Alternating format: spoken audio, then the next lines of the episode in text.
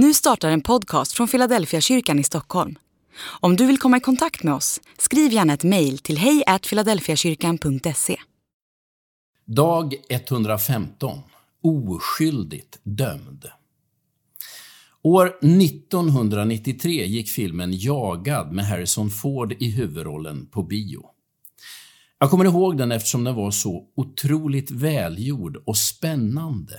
Filmen handlade om en man som blivit oskyldigt dömd för mordet på sin fru och som under mycket dramatiska former lyckats rymma.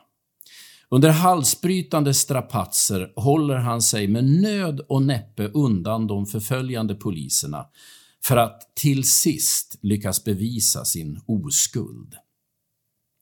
Hela upplösningen av filmen följer den klassiska Hollywood-dramaturgin.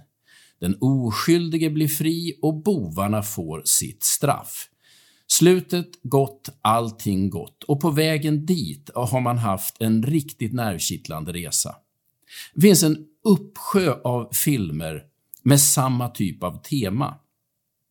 En oskyldig person som blir dömd för ett brott han inte begått, ofta ditsatt av riktigt ondsinta skurkar vars enda ambition är att dölja spåren efter sina synder.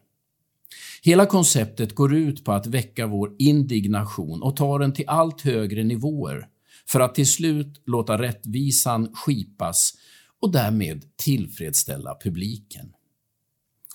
Precis som i en Hollywoodfilm beskriver evangelierna ingående Jesu oskuld och godhet.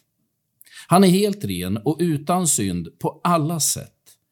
Men upplösningen i evangelierna skiljer sig från Hollywood-liturgin.